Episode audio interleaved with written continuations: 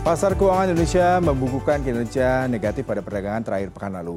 Pada minggu ini hanya akan ada dua hari efektif perdagangan sehingga tak menutup kemungkinan pelaku pasar akan ambil untung atau profit taking dalam jangka pendek untuk pergi berlibur karena libur Idul Adha. Lantas apakah pendeknya aktivitas perdagangan di bursa saham akan membuat pasar lesu karena transaksi yang sedikit? Dan untuk membahas hal ini sudah bergabung melalui sambungan virtual praktisi pasar modal Hans Kue. Selamat pagi Pak Hans. Selamat pagi Pak. Iya, Pak Hans kalau kita review ya, pekan lalu memang terjadi perdagangan yang tidak baik di akhir pekan. Bahkan terjadi tren penurunan ISG dalam sebulan terakhir.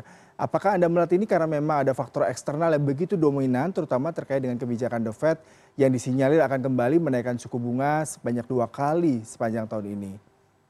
Ya, memang kalau kita lihat akhir pekan lalu itu testimoni dari Jerome Powell itu yang mempengaruhi pasar ya. Jadi pernyataan Jerome Powell yang menyatakan bahwa uh, Fed belum selesai dengan -hmm. kenaikan suku bunga mereka, kemudian -hmm. memang dia berhati-hati, tetapi dia memprediksi butuh mungkin dua kali lagi kenaikan tingkat suku bunga ya. Hmm. Jadi ini yang menyebabkan pasar agak kecewa. Yeah. Memang kenaikan Juli itu probabilitasnya cukup tinggi ya dan saya pikir pasar nggak akan terlalu terkejut ya di hmm. 74, 70 sampai 76 persenan yeah. probabilitas kenaikan di Juli tetapi pasar eh, khawatir dengan satu kali lagi kenaikan ya yang ya. mungkin bisa terjadi di September dan mm-hmm. itu mungkin tidak bisa di, uh, diterima pasar sehingga menyebabkan pasar bergerak negatif karena hal tersebut.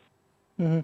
Pak Hans, kalau kita bicara mengenai suku bunga Amerika Serikat, kita review juga Wall Street yang terkoreksi cukup dalam, terutama saham-saham mega cap ya. Ini kalau kita lihat uh, saham yang sensitif terhadap suku bunga. Lalu apakah ini juga berpengaruh terhadap global, terutama sektor perbankan di tanah air, Pak? Ya, sebenarnya pasti uh, pasar melihat kenaikan suku bunga ini semakin uh, membawa masalah ya, karena memang bisa menyebabkan ekonomi melambat, kemudian potensi resesi terjadi di Amerika. Jadi pasar sebenarnya tidak terlalu happy dengan kenaikan suku bunga. Mm-hmm. Nah, sektor perbankan sebenarnya dianggap cukup netral ya terhadap kenaikan suku bunga ya, biarpun dalam kapasitas kenaikan tertentu pasti ada pengaruh pada sektor perbankan karena bisa menyebabkan uh, kredit macet yang meningkat kalau bunganya bergerak naik terus gitu. Mm-hmm. Nah, tetapi di sisi lain sektor yang banyak tertekan itu teknologi ya, mm-hmm. karena pasar perusahaan teknologi itu mengandalkan pertumbuhan di jangka panjang ketika cost of fund naik uh, uh, valuasi tertekan turun cukup banyak gitu. Nah di dalam negeri sendiri sebenarnya kalau kita lihat BI kan mempertahankan tingkat suku bunga kita ya. Target inflasi hmm. kita udah masuk ke target BI gitu ya. Jadi uh, sebenarnya BI itu punya ruang mempertahankan suku bunga gitu. Yeah. Tapi yang jadi masalah kita adalah faktor eksternal, terutama adalah mulai melambatnya uh, surplus neraca perdagangan kita, kemudian uh, masih ada potensi dana keluar dari pasar yeah. kita ya, terutama portofolio, mengingat uh, Federal Reserve masih terus menaikkan tingkat suku bunga mereka. Hmm. Kalau internal ini saya baca BI sendiri uh, masih tinggi ya Pak untuk suku bunga kredit pada bank asing ya di bulan Mei kemarin ya. Apakah ini juga berpengaruh Pak? Ya, pasti kalau kita lihat tren bunga yang tinggi ini lama lama dia akan mendorong suku bunga kredit makin lama makin tinggi gitu ya dan terlihat ada indikasi ada sedikit perlambatan pertumbuhan ekonomi gitu. Jadi hmm. BI sebenarnya mempertahankan suku bunga, tidak menaikkan suku bunga untuk menjaga uh, pertumbuhan, tetapi kelihatan tidak bisa menurunkan tingkat suku bunga acuan kita. Yeah mengingat Federal Reserve masih ada dua kenaikan. Mm-hmm. Saat ini spread antara kita dengan uh, seven days uh, seven days yeah. rate kita dengan mata uang uh, Fed Fund rate itu 50 basis point. Berarti kalau ada lima dua kali kenaikan 50 basis point di Amerika, maka tingkat suku bunga dalam negeri dan luar negeri antara Indonesia dan Amerika itu akan sama. Hmm. Nah, yang agak berbahaya itu adalah potensi capital outflow ya yeah. ketika tingkat suku bunga itu sama ya. Jadi hmm. khawatirnya dana bergerak keluar mengambil mata uang safe haven dan uh, masuk ke obligasi pemerintah Amerika itu yang jadi masalah. Jadi tentu dalam negeri juga akan berpengaruh pada bunga deposito tetap yeah. tinggi dan bunga kredit juga akan bergerak naik. Hmm. Pak Hans, kalau kita bicara mengenai uh, efektivitas kinerja bursa di pekan ini hanya dua hari ya. hari ini dan besok Selasa. Apakah akan ada aksi profit taking mengingat memang dua hari kerja ini sangat masih dianggap tidak signifikan terhadap pergerakan bursa, tadi faktor eksternal begitu sangat dominan. Apakah Anda melihat pasar akan melakukan ini atau justru wait and see tadi terkait dengan beberapa isu global? Ya, kelihatan pasar akan sedikit terkoreksi terbatas gitu ya. Jadi tentu uh, sesudah berita minggu lalu yang nggak terlalu bagus gitu ya, pekan ini mungkin pasar perdagangan pendek mm -hmm. orang nggak berani agresif, mm -hmm. mungkin sebagian akan wait and see dan profit taking gitu. Sehingga mm -hmm. Kalau kita perkirakan mungkin pasarnya akan konsolidasi melemah ya dengan mm -hmm. support 6626 okay. sampai 6598 Hmm. resisten di 65 sampai 6717 gitu. Hmm. Jadi memang saat ini pasar sedikit hati-hati ya, ya karena kelihatan uh, global belum berakhir dengan inflasi yang tinggi ya. Kemarin Bank Bank Norwegia dan Bank of England itu mengejutkan pasar yeah. dengan melakukan kenaikan sampai 50 basis poin hmm. gitu ya. Jadi ini kenaikan yang cukup tinggi hmm. dan Bank Swiss juga naikin yeah. 25 basis poin gitu. Jadi uh, indikasi yang diberikan oleh eropa ini adalah bunga masih akan tinggi karena inflasinya hmm. uh, tidak te, tidak turun seperti harapan mereka gitu. Yeah. Nah, ini menunjukkan bahwa sebenarnya periode bunga naik tinggi, kemudian inflasi yang tinggi ini belum berakhir di pasar gitu. Kemarin juga di Amerika itu masalah besarnya bukan di inflasi, tapi di inflasi inti gitu yeah. ya. Inflasi inti mereka relatif lebih tinggi gitu ya hmm. di Eh, lima persen lebih gitu ya, yeah. padahal inflasinya udah di empat persen. Jadi uh, inflasi inti ini yang jadi perhatian bank sentral. Mm-hmm.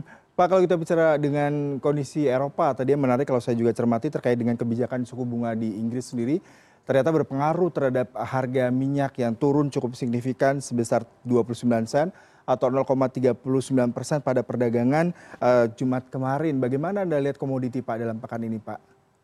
Ya, memang kalau kita lihat minyak itu turun karena kelihatan eropa itu inflasinya masih cukup tinggi sehingga bank sentral di sana masih akan melanjutkan hmm. kenaikan suku bunga sehingga kalau bunga naik itu akan mengurangi pertumbuhan ekonomi dan akan menyebabkan demand dari minyak menurun gitu.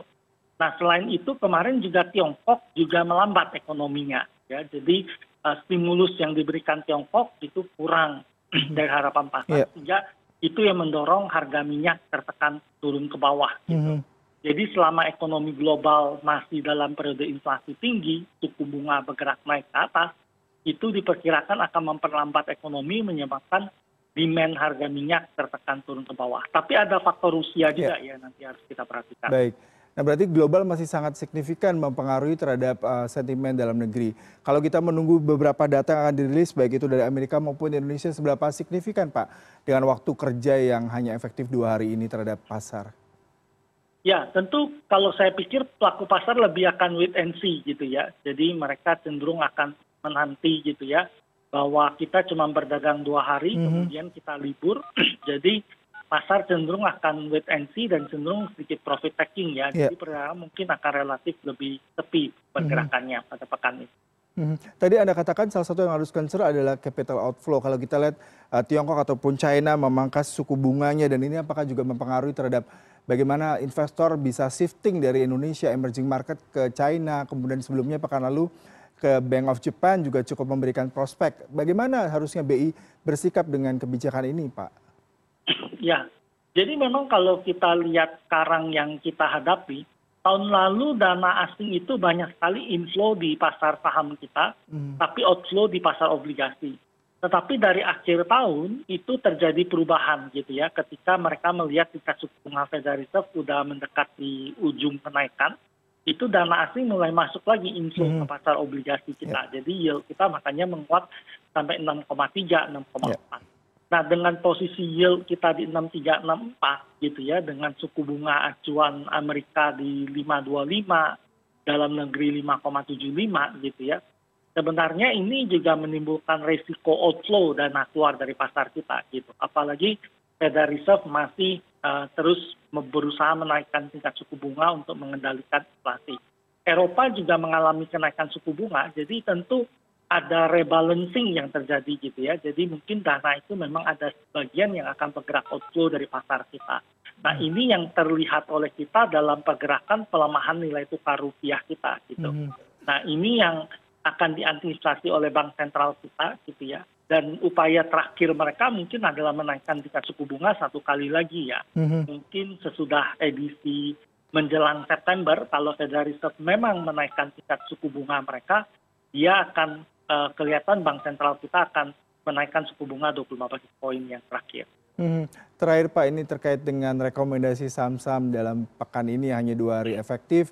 Apa saja nih yang perlu dikoleksi ataupun mungkin momen tadi ya, meskipun uh, banyak see, tapi buat para pelaku pasar yang tidak sabar untuk merangkum untung di pekan ini, apa saja Pak yang menarik untuk dilakukan? Ya, memang yang pertama kita lihat saya merekomendasikan saham seperti Excel ya. Jadi dia tren turun di jangka pendek gitu ya. Kita rekomendasi akumulasi beli di 1915 sampai 1970.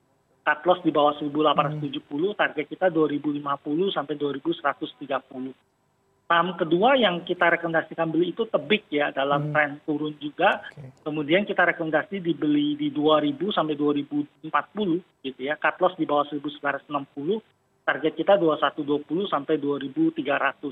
Mhm. Kemudian saham berikutnya di Unilever ya, kita rekomendasikan beli di 4.200 sampai 4.300, cut loss di bawah 4.220, target kita 4.60 sampai 4.630 gitu. Nah itu tiga saham yang kelihatan bagus untuk kita trading.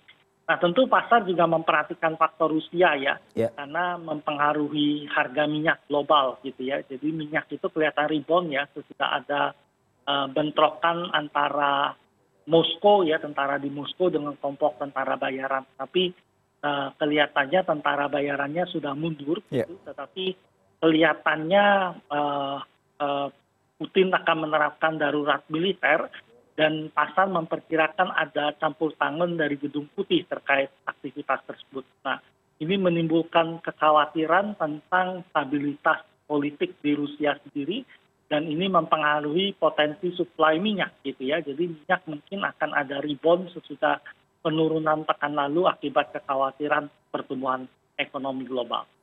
Baik Pak Hans Kue, terima kasih untuk perbincangan pagi hari ini. Semoga para pelaku pasar semangat ya meskipun dua hari kinerja dari bursa, tadi faktor-faktor eksternal masih menjadi sentimen yang harus diwaspadai terutama isu geopolitik Rusia dan juga kenaikan suku bunga dari The Fed. Terima kasih untuk perbincangan ya pagi hari ini Pak. Ya, terima kasih Pak.